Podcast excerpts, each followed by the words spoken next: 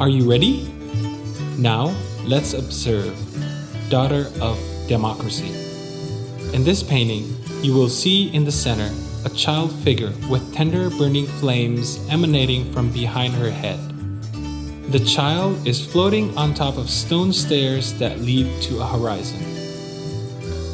This painting has a personal significance for Suwage, as it was created around the birth of his first daughter with Titarubi in 1996. It was a critical period where riots were happening in Jakarta and culminated in the May riots, just two years after. The city was filled with chaos, with non stop demonstrations resisting the New Order regime and growing concerns for the safety of the student movement.